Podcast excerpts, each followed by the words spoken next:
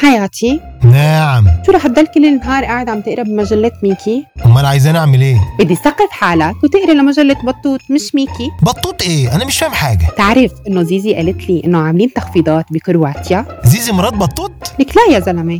زيزي جارتنا قالت لي إنه عاملين تخفيضات 5% على شنط مايكل كورس. أنت مالك محسساني إن الخمسة في المية ده رقم؟ ثم ثم أنا المفروض أعمل إيه يعني؟ إنه تحجز لنا تذكرتين ونروح لهونيك. أيوه يا باشا المدام عندها حق. أنا عندي واحد صاحبي فتح مقلة هناك ممكن اوسع عليكم أموت وأعرف الواد ده بيطلع لي منين.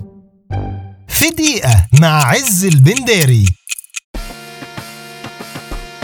كرواتيا أو زي ما بيقولوا عليها هرفاتسكا وعاصمتها زاغرب واللي بيبلغ عدد سكانها حوالي 684 ألف نسمة من أصل حوالي 4 مليون نسمة واللي بتقع جنوب شرق أوروبا على البحر الأدرياتيكي. كرواتيا زمان كانت واحدة من ضمن سبع دول اللي كانوا بيكونوا دولة يوغوسلافيا واللي انهارت كليا سنة 1992 ده إحنا كمان انهارنا يا باشا سنة 92 ليه يا اخويا؟ مش كان عندنا سلسال 92 يا باشا؟ سلسال اسمه زلزال يا بابا. وكنت بتعمل إيه بقى ساعتها؟ ها؟ كنت بعوم تقول في ال 50 متر متنوع في الترعة يا باشا. يا رب صبرني على ما بلاني. وبمناسبة الرياضة في كرواتيا أشهر الرياضات عندهم هي ال basket وال handball وال water polo. وكرة القدم طبعا. وبمناسبة كرة القدم في حوالي 90% من الشعب عندهم تيشيرتات المنتخب الكرواتي. وفي كأس العالم سنة 2018 أخذوا المركز الثاني بعد فرنسا. ومن أشهر اللاعبين عندهم لوكا مودريتش. واللي أخذ جايزة أحسن لاعب في نفس السنة. أنت عارف يا باشا مين اللي يرجع له الفضل في إني اخدت أحسن لاعب في الشرابية؟ مين يا أخويا؟ الكابتن ثانية ما مشيتش. تفتكر يا باشا من اسمها كده ممكن يكون اصلها كرواتشي؟ هاتولي حباية تحت اللسان بسرعة. عايز أقول لكم كمان إن تلت مساحة كرواتيا متغطية بالغابات.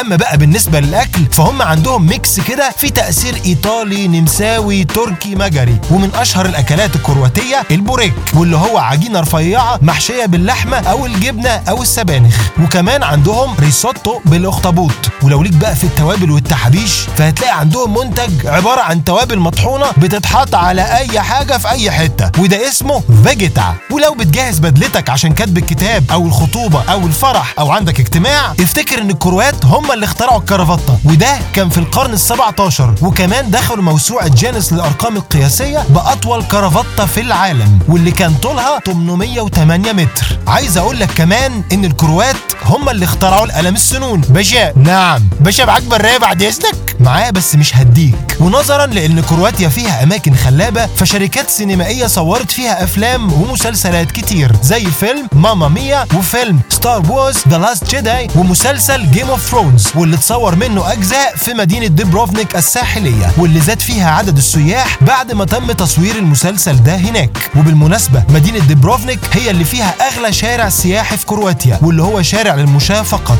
واللي هتلاقي فيه محلات الهدايا التذكارية والمطاعم وحاجات تانية كتير. وفي نفس المدينة برضو فيها تاني أطول سور في العالم بعد سور الصين العظيم واللي اسمه سور ستون. كرواتيا بتمتلك حوالي ألف جزيرة وده بيخليها سابع أكتر بلد بتمتلك عدد جزر في أوروبا. ولو أنت بقى بتحب الكلاب عايز أقول لك إن الكلاب ال Dalmatian أو زي ما بيقولوا عليها دالماتنسكي أصلها من كرواتيا وتحديدا من إقليم دالماتسيا. ليه يا باشا أنا بحب القطط. يا جدعان حد يعزمه على dry food في أي كافيه ويخلصنا. ومن الحاجات الغريبة عندهم متحف اسمه متحف العلاقات الفاشلة. أيوه هو اسمه كده. واللي بيحتوي على مقتنيات لناس كتير علاقاتهم فاشلة. واتبرعوا بيها مع ذكر قصة فشل العلاقة. باشا ممكن أديهم التيشيرت الفوسفوري اللي كانت خطيبتي جايبها لي من الوكالة؟ يا جماعة يا ريت حد ياخد الواد ده ويسيبه على طريق الواحات وياخد فينا ثواب. من الآخر لو عايز تسافر وتتفسح في أجواء هادية يبقى جهز شنطتك وروح على كرواتيا وعجبي. إدعمونا ب like و subscribe و share وقولوا لنا عايزين تعرفوا أنهي بلد في الحلقة الجاية.